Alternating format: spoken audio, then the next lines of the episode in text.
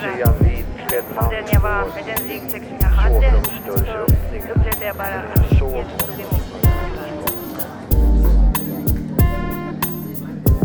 Röster från Sankta Clara med Maj-Lis Johansson.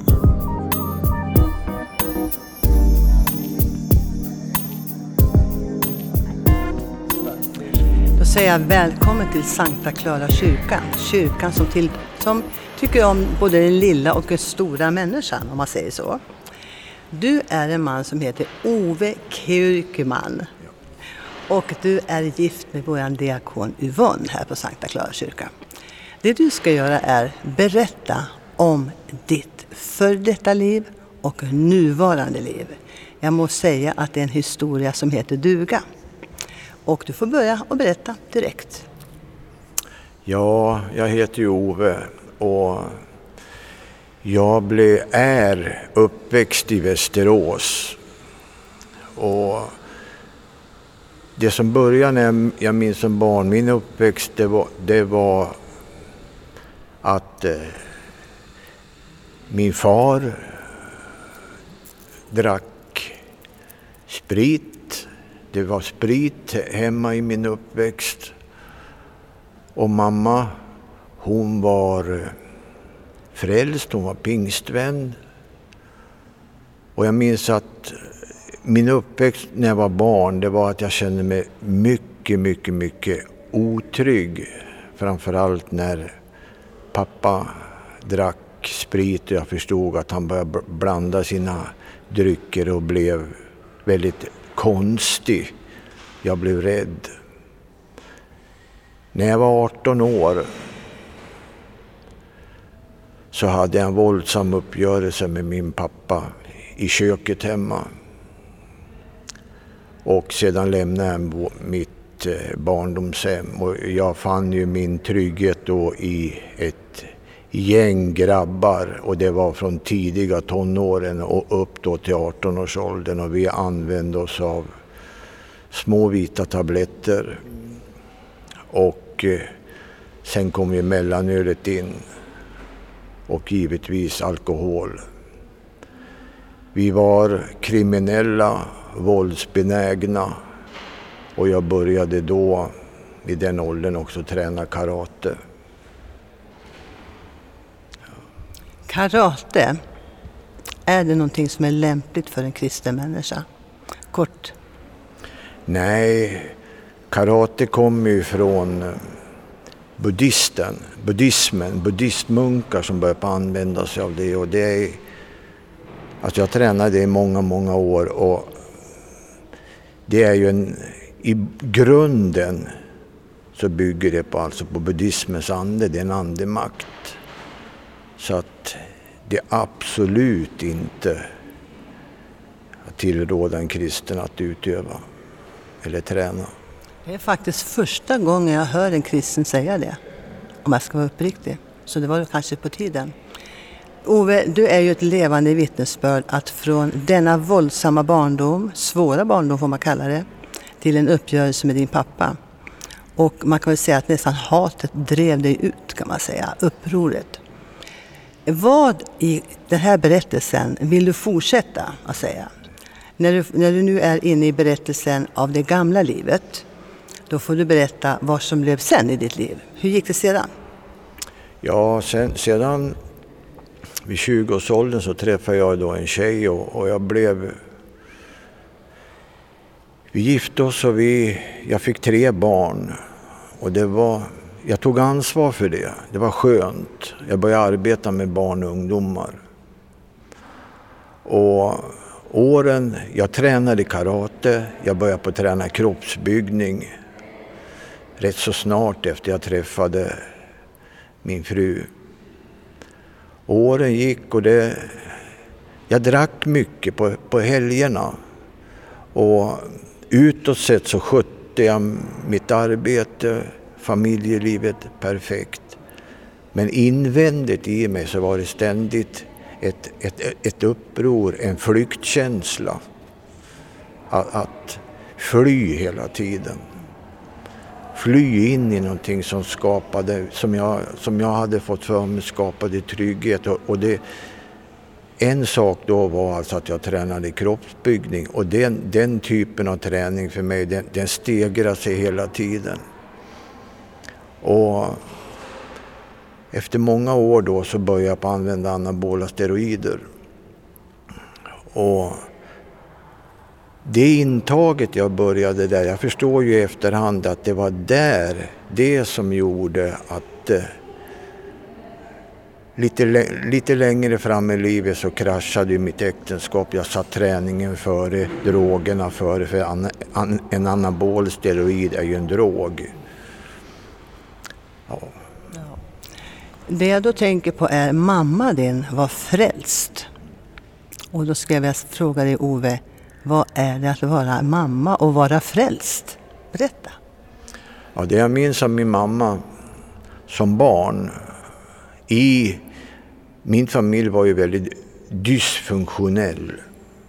Jag förstår att mamma hade väldigt jobbigt. Pappa hade det väldigt jobbigt. Och det fanns alltså ingen som helst trygghet för mig och mina tre syskon att växa upp i. Men det jag minns av mamma, där hon hämtade då kraft och som liksom etsades fast sig i mitt sinne, det var att hon bad och stod på knä mycket. Det är inte första gången jag hör människor berätta att mamma eller pappa, farmor eller farfar, mormor eller morfar har bett för sina barn. Det påstås ju att om man ber och de ändå har dött så fortsätter deras böner att verka. Men hon var kvar i livet så hon fick uppleva att du blev frälst helt enkelt. Får jag fråga kort emellan den här berättelsen. Vad sa din mamma när du sa nu mamma har jag blivit frälst? Vad sa din älskade mamma då? Ja, du, nu var, är det ju så här att min frälsningsupplevelse första gången upplevde jag när jag var 12 år. På, på en, det var på en sån här eh, ungdomsvecka, en vinterungdomsvecka. Och det jag minns då, det, jag gick fram, det var inbjudan till förbön och jag sa att jag, jag ville bli frälst. Men det jag minns då, det var den som tolvåring en otrolig glädje när jag gick därifrån och skulle gå hem och sova där vi bodde. Sen kan jag berätta sex månader efter den upplevelsen. Då blev jag döpt i Pingstkyrkan i Västerås och det var också en sån här stark upplevelse vet jag att jag kände mig väldigt ren när jag gick därifrån. Då var jag 12 och ett halvt år. Sen strax efter det så släppte jag hela det livet. Det är märkligt att du säger det och jag sitter här och intervjuar och gjorde exakt likadant. Och nu sitter vi här på 50 plus och 60 plus och säger vi är faktiskt kvar. Är inte det så att när du tog emot Guds ande som 12-åring, som också jag gjorde, 10-12 års åldern, så bor han kvar. Han flyttade aldrig ut, Herren själv. För det står ju att han tar sin boning i oss. Jag tror aldrig att han flyttar ut. Han knackar tills vi svarar. Trots att du gick ut i missbruk, trots ditt hat och vrede mot pappa din, så förstod han dig i din vrede. Och han bevarade anden i dig. För när du går framåt nu i berättelsen så blev du vuxen. Och du fick ju familj och allt det där. Och så blev du missbrukare. Nu kommer det bästa av allt. Vad hände andra gången? ja, det var ju i slutet av när jag tränade kroppsbyggning så, så för att orka träna på den nivån som jag tränade på så började jag då att ta lite, lite, lite, som man säger, en nypa salt av amfetamin på tungan för att orka träna. Och eftersom jag hade min bakgrund i missbruk sedan tidiga tonår så var det någonting som gick igång i mig. Och det tog inte lång, högst ett år, så kraschade hela mitt liv. Jag lämnade kroppsbyggningen mitt äktenskap gick sönder. Och jag, blev, jag levde, hade ju ett kriminellt liv som tonåring men nu blev det våldsamt dödligt för mig. Det kriminella livet jag levde det var grovt. Jag, blev, jag var ju en ond, ond man. Jag använde karaten, jag var inte rädd för någon. Jag tog droger. Jag, jag blev helt förvandlad åt mörkret till. Det säger mig någonting, det som står i Bibeln. Om vi lämnar ljuset, man säger lämnar, inte tron i sig, men hanteringen av tron, så blir det väldigt mörkt. Förstå, hur mörkt blir det inte då? Det har vi nu fått konstaterat. Nu Ove ska du tala vad som hände till den som är i missbruket men trots allt är född på nytt. Eller den kanske inte är missbruk, den kanske var, är inne i porren, otrohet, penning, eh, makten som är nu i samhället. Allt det här. Säg nu var hoppet finns. För jag vet att det är Jesus. Men berätta. Det du säger, just ordet den som är i porren, i, i sin otrohet eller något. Det handlar, alltså ett missbruk är inte bara en drog eller någonting man skjuter in sig i venen. Ett missbruk kan vara så mycket olika men det är lika starka bindningar. Och det här var, det var alltså en morgon. Jag kommer hem, jag hade varit vaken i nästan fyra dygn och varit ute och gjort mina grejer. Kommer hem 5.00 på morgonen där jag bodde. Och jag kommer in i min lägenhet. Jag tar av mig skorna och går 3-4 meter in i hallen och är precis kommit in i mitt sovrum så känner jag det är någon i min lägenhet. Och jag levde ju det livet så jag släppte det jag hade i händerna, vände mig blixtsnabbt om och var beredd att slåss för mitt liv. Då ser jag en vitklädd man stå i min sovrumsdörrsöppningen. Och jag var som sagt inte rädd för någonting. Men när jag såg honom så började jag på skaka.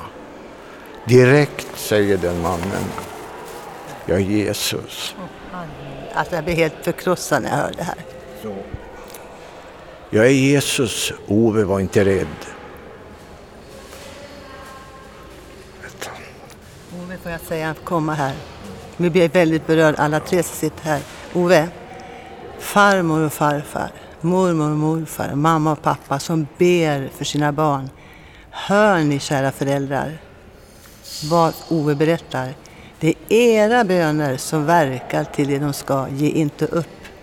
För vad hände när du mötte Jesus? Det här är ju så underbart. Han bara stod där i rummet. Jesus tar ett kliv fram emot mig och jag faller bakåt rakt ner i min säng. Och Jesus kommer fram till mig och sätter sig på sängkanten, lägger sin högra hand på mitt hjärta. Han säger några ord, han tittar på mig så säger han, nu ska du inte vara rädd Ove, nu ska du sova.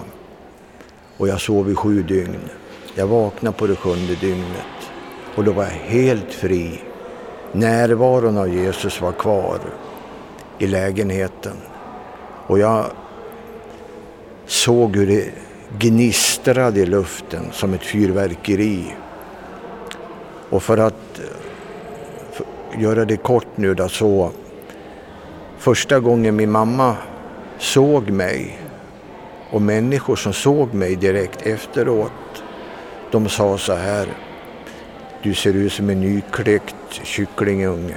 Det var den spontana kommentaren och det säger också den då direkt den förvandling jag hade som syntes tydligen utanpå. Och i den här berättelsen så hör jag tonen i dig Ove. Det är ingen ton av självförakt, hat och vrede. Utan det är en förlåtande Gud, hans ande bor i dig och du talar utifrån din ande. Nu vill jag säga så här till dig Ove. Tack för att vi fick lyssna på dig. Och jag vill säga till varje person som har lämnat tron men har Guds ande boende kvar i sig. Kom tillbaks för Jesus han står kvar. Kan du stå emot i Jesus kärlek? Kan du stå emot när han står kvar? Kom tillbaks älskade människa och gör som Ove. Kapitulera, ta emot och börja vandra med Jesus. Guds frid får vi säga. Ja, Guds frid och tack för att ni lyssnade. Och jag vill säga Guds kärlek är det starkaste som finns. Har denna berättelse berört dig på något sätt? Eller kanske vill du att vi ber för dig? Kontakta oss på info snabel-a sverigeskristnaradio.se